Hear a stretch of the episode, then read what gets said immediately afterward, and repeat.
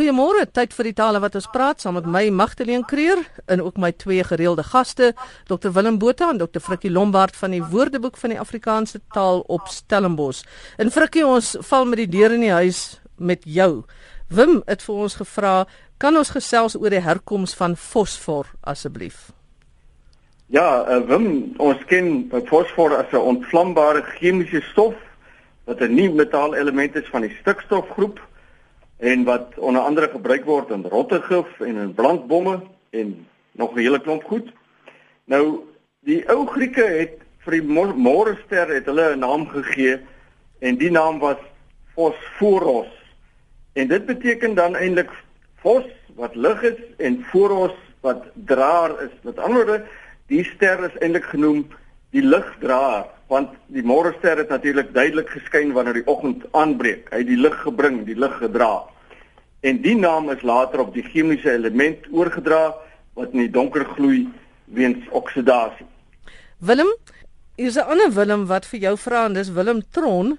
Hy sê hoekom praat ons dan van roosterkoek as dit eintlik brood is waarna ons verwys? Willem, uh, dit lyk vir my die antwoord of die oplossing lê in die vorm van die roosterkoek. Die meeste mense rol sulke ronde bolletjies wat dan gerooster word. En ons etimologie woordeboek van Afrikaans uh ondersteun dan ook hierdie siening want by roosterkoek is die inskrywing ronde broodjie van brooddeeg wat oor kole gebak word. En dan verduidelik hulle en sê die samestelling van rooster en koek is so genoem omdat die broodjie op 'n rooster gebak word en vanweë sy ronde vorm aan 'n koekie herinner. Nou ja, dis dan dit gaan dan oor die vorm. Hy's hy's eintlik rond en dit lyk dan soos 'n koekie, maar is inderdaad 'n broodjie.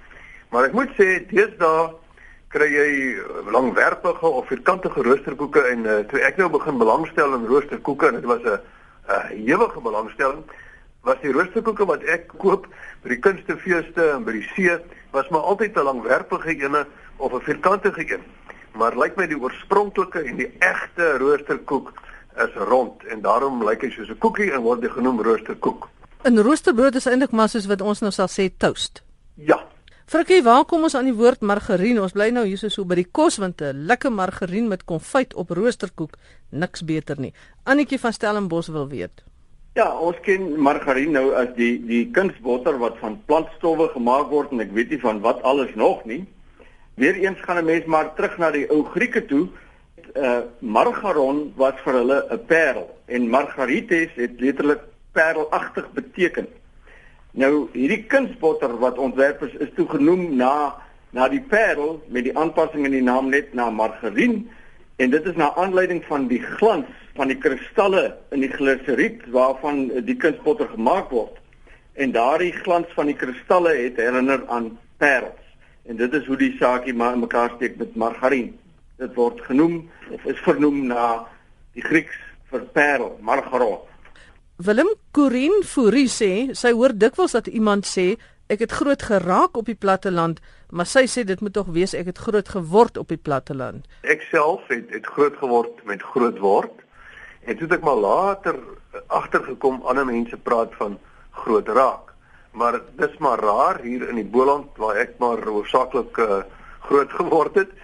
Ehm um, is daar regtig nie eintlik mense wat so praat nie, maar ek het agtergekom Namibiërs praat so en dit lyk vir my nou Mapolanders praat ook so, né? Ja.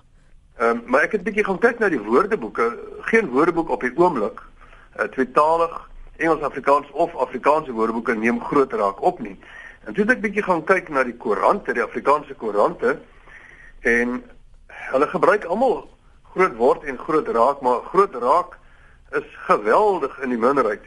Eh, die burger het die afgelope 10 jaar byvoorbeeld groot word 10000 eh, keer gebruik en groot raak 70 keer.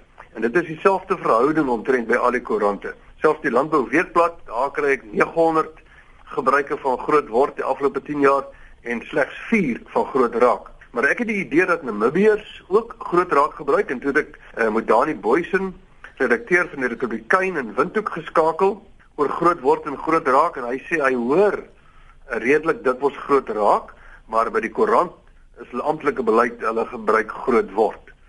En dit is dan maar die prentjie Dit lyk vir my Corien dat uh, groot raak is ook gebruiklik en uh, albei is korrek.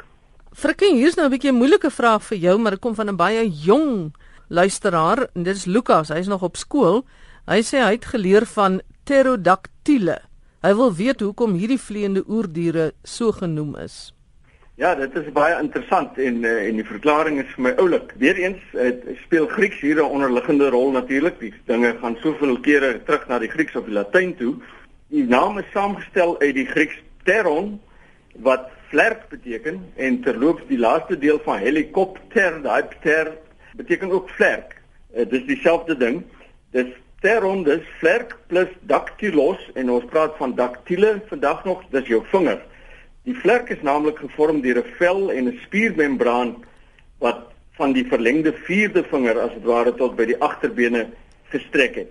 Ons kon maar net sowel van 'n vingervlerkige of 'n vlerkvinger gepraat het.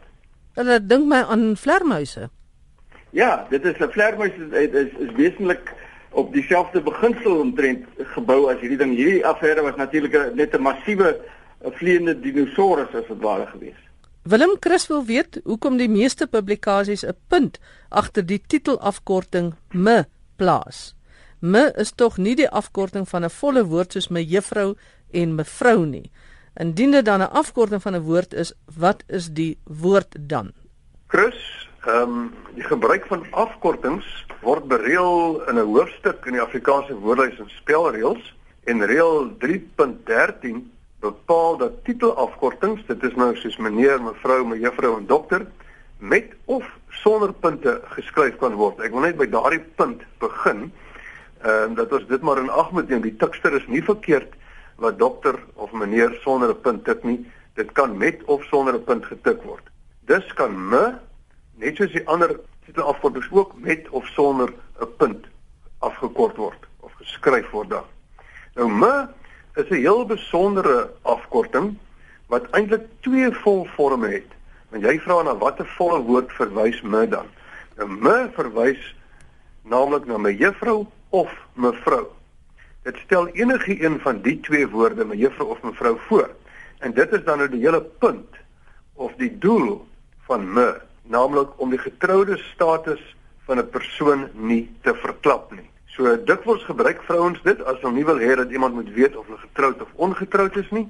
En dit is meer dikwels ongetroude vroue wat dit doen, maar daar is ook getroude vroue wat me gebruik omdat hulle nie hulle getroude status wil verklap of openbaar wil maak of as 'n mevrou of 'n juffrou wil bekendstel nie.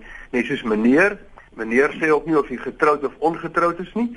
En dit is seker maar 'n um, deel van gelykberegtiging uh, dat hulle net soos die man ook nie hulle status huwelikstatus verklap in hulle titel nie. Ja, dink hierdie ding het regstreeks gedoen te doen met die feminisme of die emansipasie, die gelykmaking dat daar nie uh, diskriminasie moet wees tussen tussen mans en vroue nie. Maar ek dink nie hierdie me het eintlik vreeslik inslag gevind nie. Wat dink julle?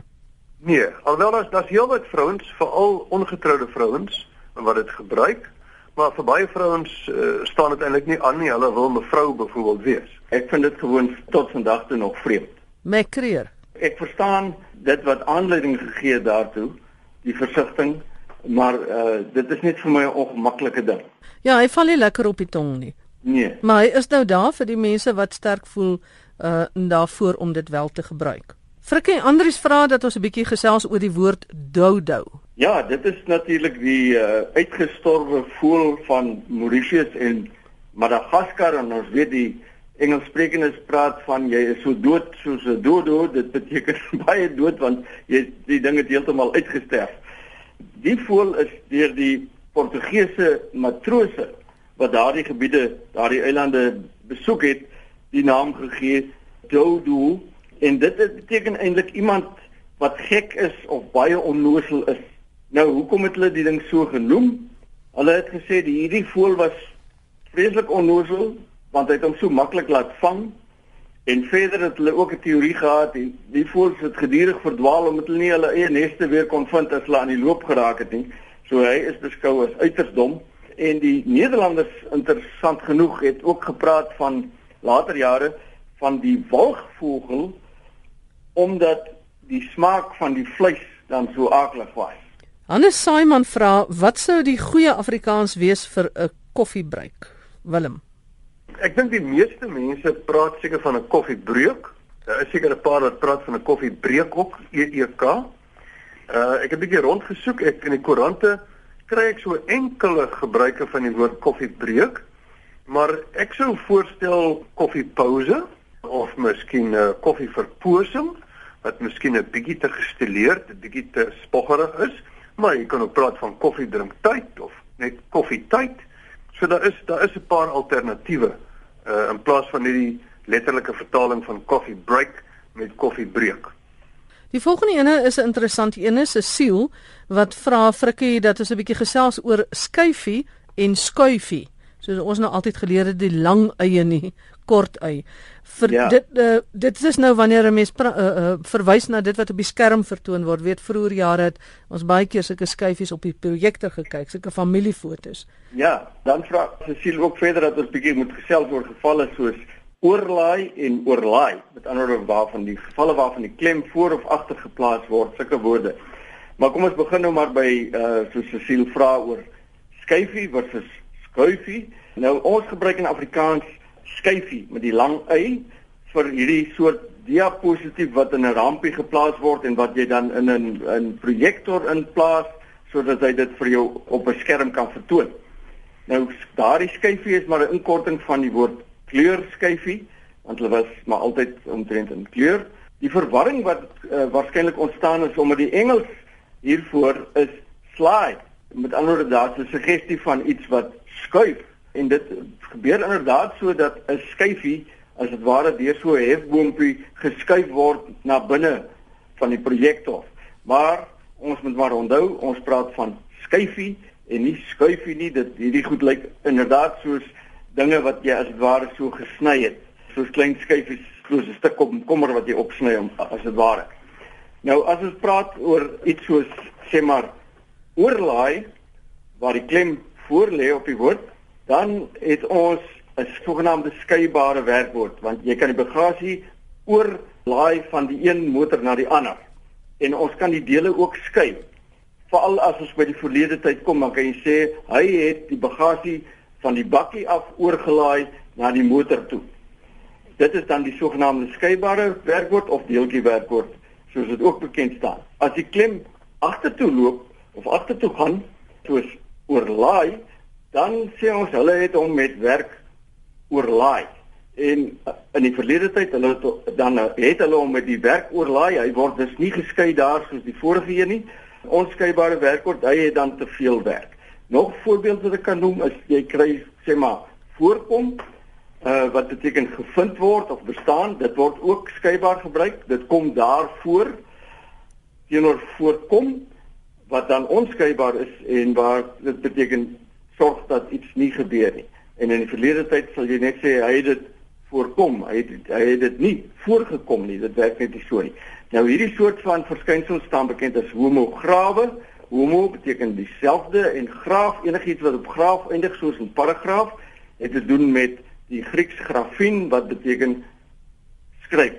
Homograwe word dus dieselfde geskryf. Homofone is weer goed wat dieselfde klink. Uh soos leer die leer waarteen jy opklim of die leer van 'n skoen teenoor die leer wat gelyk is aan die arm. Uh, en dan kry jy mens nog verder natuurlik homonieme ook. Goed so 'n paar sondae terug het ons gesels oor die ronding van die lang A klank soos in ma en pa.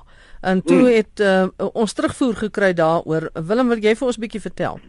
Ja, Ludwig Visser daar van van Reinsdorp se wêreld het laat weet dat sy twee kleinseuns so 'n paar jaar gelede in Garsfontein in Pretoria op skool gekom het en dat die juffrou hulle toe ingeroep het oor hulle uitspraak. Want hulle het byvoorbeeld gepraat van ma en pa.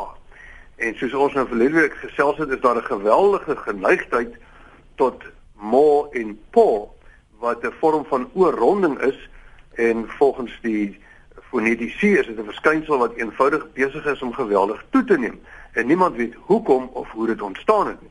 Maar in elk geval die kinders is toe ingeroep oor hulle uitspraak en daar is daarop aangedring dat hulle spraaklesse gaan bywoon dat hulle in die middag by die huis kan kom en sê middag mo.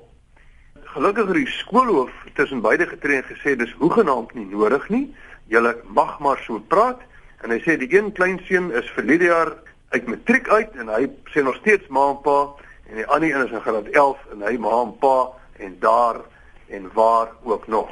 En dan het Dan Wissing ook gereageer want ek het hom juis geraadpleeg oor hierdie verskynsel omdat hy 'n toonaangewende fonetikus is en hy het gesê die jongste navorsing waarmee hy nou besig is gaan oor 'n nuwe verskynsel, heeltemal iets nuuts.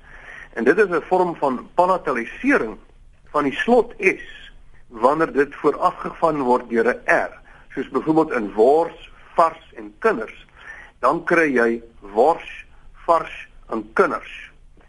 Nou, hy sê dit kom meer voor onder die jonger mense en ehm um, dan word dit die die RS word soos die sh van ship in Engels uitgespreek. En hy vra dan nou of luisteraars en onsself bewus is hiervan en of ons dit al gehoor het en indien nog nie, moet ons maar 'n bietjie probeer konsentreer en kyk of ons dit kan waarneem. Ek moet sê, Magdalene, dis nou nogal vir my baie verrassend. Ek het dit nog nie gehoor nie. Ek het bietjie met my dogter gepraat. Sy sê sy het dit al gehoor, maar dan maak die studente 'n grap. Dis 'n grappige manier sou hulle praat van wors. So, kom ons kyk maar of ons dit kan hoor. Kom ons wees sensitief daarvoor. Ek dink dit klink vir my eerder na na tande wat miskien 'n bietjie los is. Ja. Dan is dit meer by ouer mense. Ja, dan dan behoort dit meer Die mense is nie so jonk dat hulle besig is om tande te wissel nie, hoor. En as die jonger mense is, dan klink dit vir my eerder wees soos 'n dop of twee te veel. Ja. Maar nou dink ek moet ons maar vir die luisteraars vra om vir ons te laat weet. Dit sal interessant wees as, of hulle al hierdie verskynsel agtergekom het. Miskien miskien doen dans en navorsing op 'n verkeerde plek. Ja, dit kan ook wees. Maar laat weet luisteraars as daar so iets is waarvan jy bewus is, stuur vir my by Magdalene by rsg.co.za uh voorbeelde of as jy so iets teëgekom het. Nou ja, hiermee het ons gekom aan die einde van ons program vandag. Die tyd het sommer gevlieg. Baie dankie Dr Willem Botha en Dr Frikkie Lombard van die Woordeboek van die Afrikaanse taal en ek is Magdalene Creer. Ons groet tot 'n volgende keer.